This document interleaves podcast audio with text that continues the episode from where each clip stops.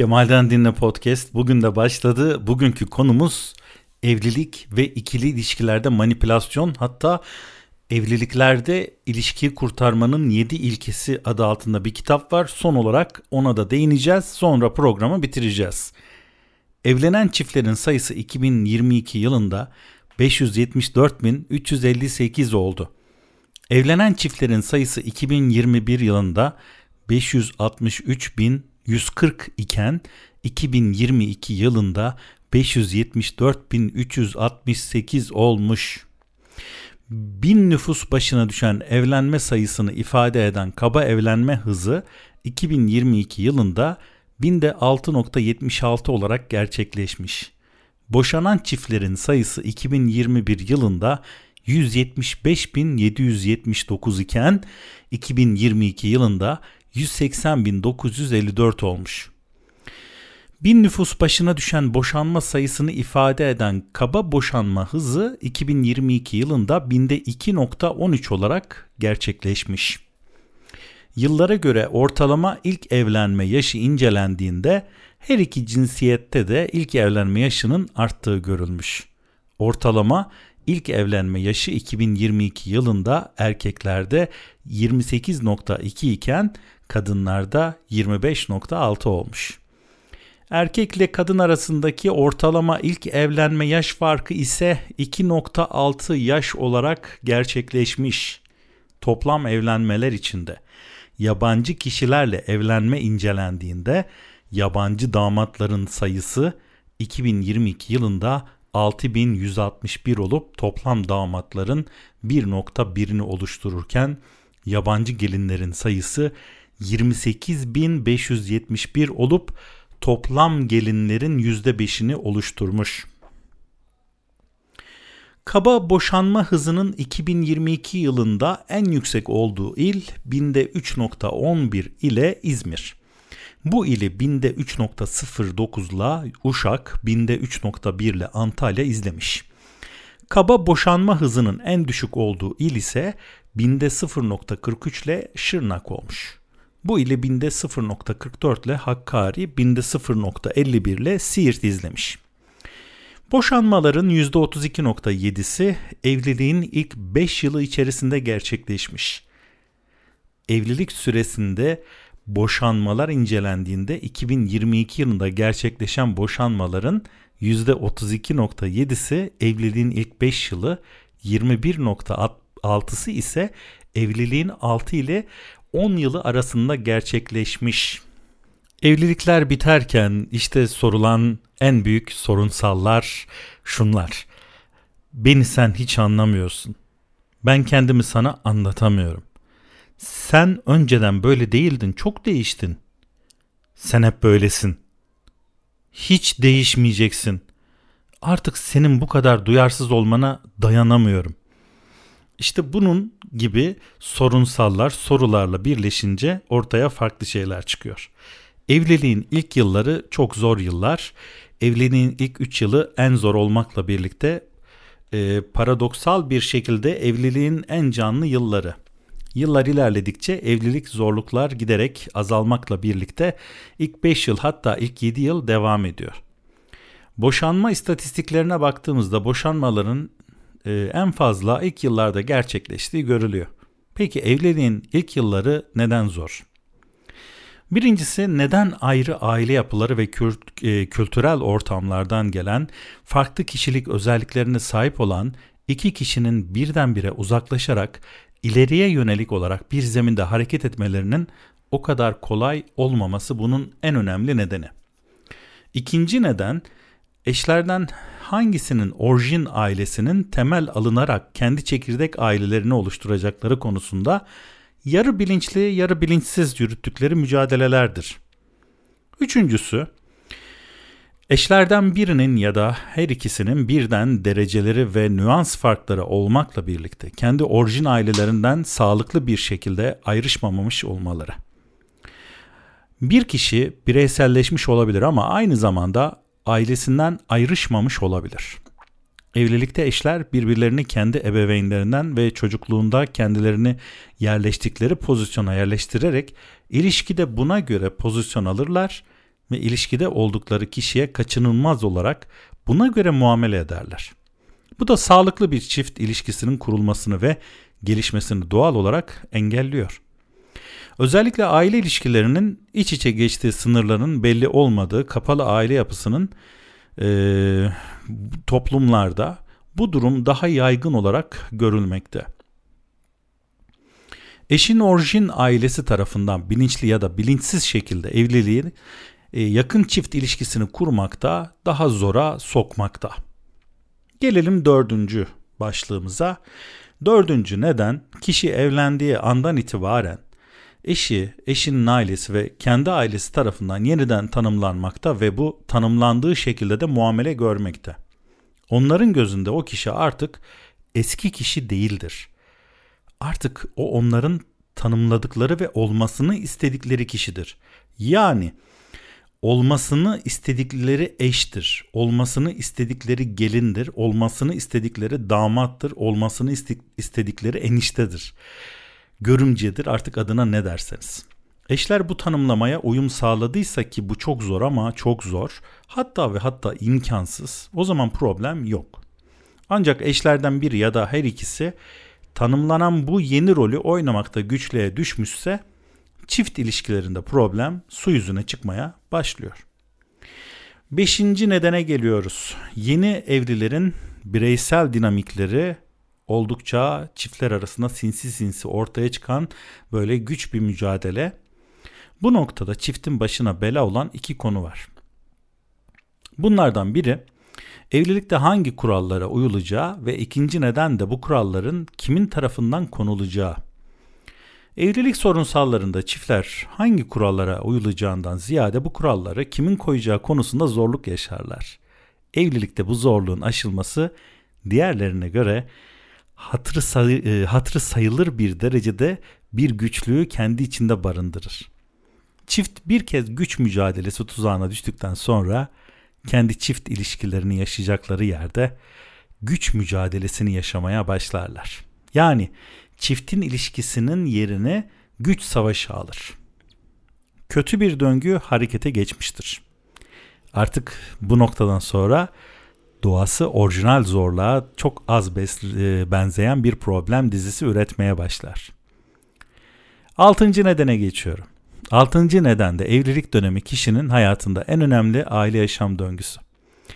Kişi çocukluğunu, ergenliğini, evlilik öncesi genç yetişkin dönemini yaşamış, sıra artık evlilik dönemini yaşamaya gelmiştir. Gel gelelim bu aile yaşam evresi kişiyi diğerlerine kıyasla çok daha fazla zorlamaktadır. Eskiden tek başına bireysel hareket edebilirken şimdi başına bir de eş ilişkisi çıkmıştır. Bu noktada ilişkide kendisinin pozisyonu ne olacaktır? Öyle ya, kimse bir ilişkide kötü bir pozisyonda olmak istemez.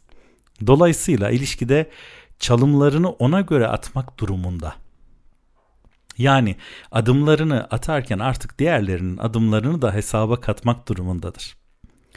Bu başarılması hiç de kolay olmayan bir durum. İşin ilginç ve kaçınılmaz tarafı eşlerden biri çukura basıp tökezleyip düştüğünde öteki de düşmekte. Öteki düşerse bu sefer beriki de düşmekte. İşte eşler arasında tam bu noktada derin bir ikilemle karşı karşıya kalınıyor. Birey olmak ve ait olmak çiftlerin burada bir denge kurması en ince altın işçiliğinden bile daha ince sanattır. Ne ilginçtir ki insanoğlu doğduğu andan itibaren bu ikilemi hep yaşamıştır. Hayat yolculuğunda birey olma ve ait olma ikilemi arasında denge kurma stratejileri inşa etmek her insan için kaçınılmazdır. İşin özü, hayat birey olma ve ait olma arasında gidip geldiğimiz uzun bir yolculuktur. Klinikteki davranışlar bu durumu ne onunla yapabiliyorum ne de onsuz yapabiliyorum şeklinde dile getirilir. Gelelim yedinci aşamaya. Yedinci neden eşlerin her birinin evliliğe kendi standartlarına göre beklentilerle girmiş olmaları. Her birinin beklentileri, arzu, ihtiyaç ve isteklerinden birbirinden farklı olduğu bir noktada iletişim çalışmalarının ve çıkarlarının kaçınılmaz hale geldiği durumdur. İlginç olan şudur ki Evlilikte eşlerden biri diğerinin de beklentilerinin olabileceğini aklına getirmez. Kişi kendi ihtiyaç ve arzularına odaklanır. Bu insanın doğal bir tabiatı tabi. Hal böyle olunca her iki eş ilişkide yaşanan problemi diğerinin ilgisizliğine ve sevgisizliğine ya da değişmez bir kişisel özelliğine inandırır ve ona bırakır. Bu çark dönmeye başladıktan sonra artık sorunsal katlanarak büyümeye devam eder. Sorunu yaşayan kişilerde olanlara bir türlü mantıklı bir açıklama bulamaz. Bu onları daha da dara düşürür. Hani haksız da sayılmaz. Burada işlenen şey nedensel değil, döngüsel şeydir. Sekizinci aşamadayız. Sekizinci nedendeyiz. Çocukluğunda annelerinden onay göremeyen erkekler ve babalarından onay alamayan kadınlar bütün yaşamları boyunca ilgi ve onay açlığını sürekli yaşarlar. Bu kişiler şimdiki ilişkilerinde ne kadar onay alırsa alsınlar, daha fazlasını istemekte ısrarcı davranırlar. Böylece ilişkilerinde istemeden kendilerini işgalci pozisyonuna yerleştirmiş olurlar. Anne ve babalarımızın çocuklukta bizim üzerimizde etkisi sanıldığından daha derin izler bırakır. Örneğin anneleri ilgisiz, baskıcı olan erkekler çocuklarında alamadıkları sevgi eksikliklerini bildikleri bir şekilde içlerinin derinliklerinde hissederler. Bu da kadınlarla olan ilişkilerine yansıyabilir. Bazı erkekler çocukluğunda alamadığı ilgi ve şefkatin acısını yakın ilişkide olduğu kadınlara kötü ve baskıcı davranarak ödetmeye çalışır. Aslında bu erkekler bilemedikleri bir şekilde hayatlarındaki kadınları cezalandırırken aslında kendi annelerini cezalandırmaktadırlar. Bazı erkekler de çocukluğunda alamadığı ilgi ve şefkati bulabilmek için ideal kadın arayışına girer. Ancak bu arayışın sonu çoğu zaman bir türlü gelmez. Sanki ömür boyu süren bir yolculukta gibidir. Aynı şekilde babaları bencil, olgunlaşmamış ya da aşırı katı olan kadınlar da erkeklerle olan ilişkilerinde çocuk gibi davranırlar. İşin ilginç tarafı eşlerinin kendilerine bir kız çocuğuna davranır gibi davranmakların davranmalarından yakınırlar. Bu kadınlar özgüvenden yoksun oldukları için kendilerini bir türlü yeterli hissetmiyorlar. Diğer bazı kadınlar ilk başta dışarıdan olgun gibi görünse de içlerindeki havaları bambaşka. Onu takdir edecek, değerini bilecek bir babanın özlemini duyarlar. Geldik dokuzuncu nedene. Erkeklerle kadınları aynı oldukları, aynı önceliklere yer verdikleri, aynı dürtülere sahip oldukları, aynı becerilere sahip oldukları yanılsaması içinde büyümemizdir. Kişiler evlenince kadın ve erkeklerin aynı olmadığını görerek hayal kırıklığına uğrar. Danışanlar bunu beni hiç anlamıyor, nasıl bu kadar ilgisiz olabiliyor? Niçin biraz olsun benim gibi düşünemiyor? Nasıl bu kadar duyarsız olabiliyor?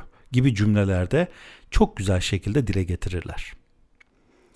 Evlilikte çiftlerin birbirini manipüle ettiği sık sık görülür.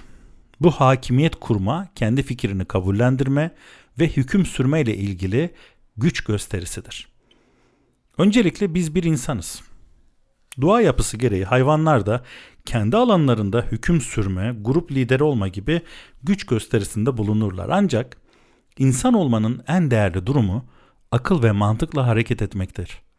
Günümüz koşullarında ilişkilerde hayvani manipülasyon sürdürmeye karşılık saygı ve sevgi çerçevesinde sürülen ilişkiler de vardır.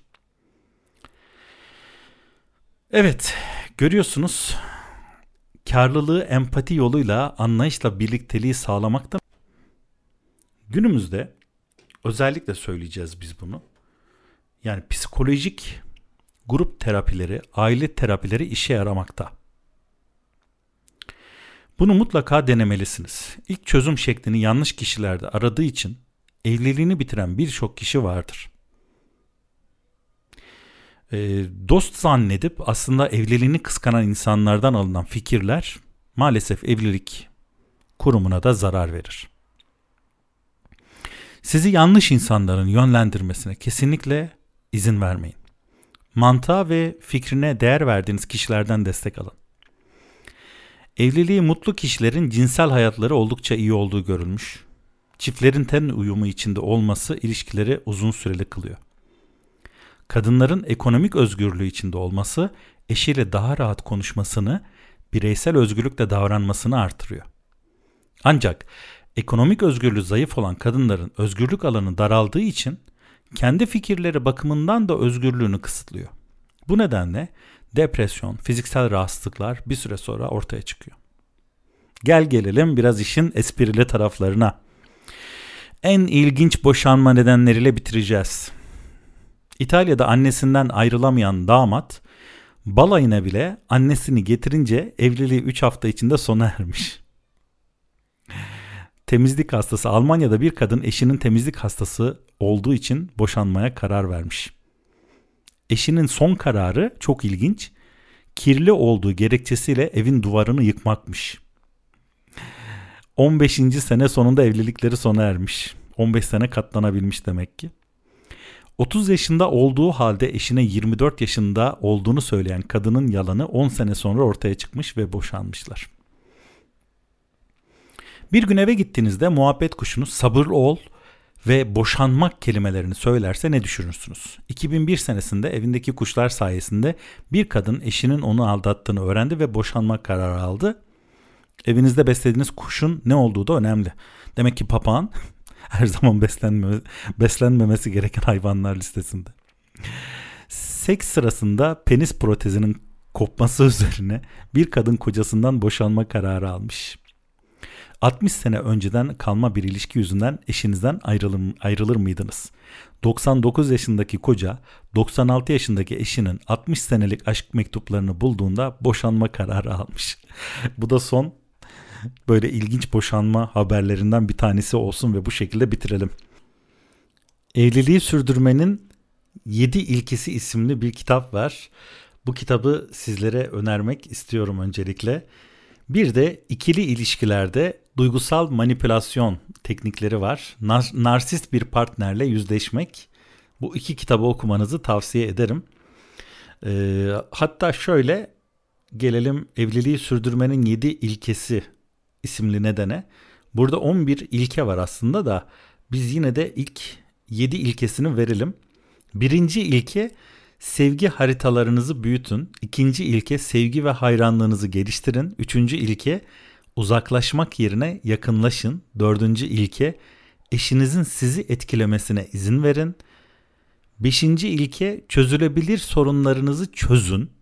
Altıncı ilke kilitlenmenin üstesinden gelin ve yedinci ilke ortak anlam yaratın diyor kitapta.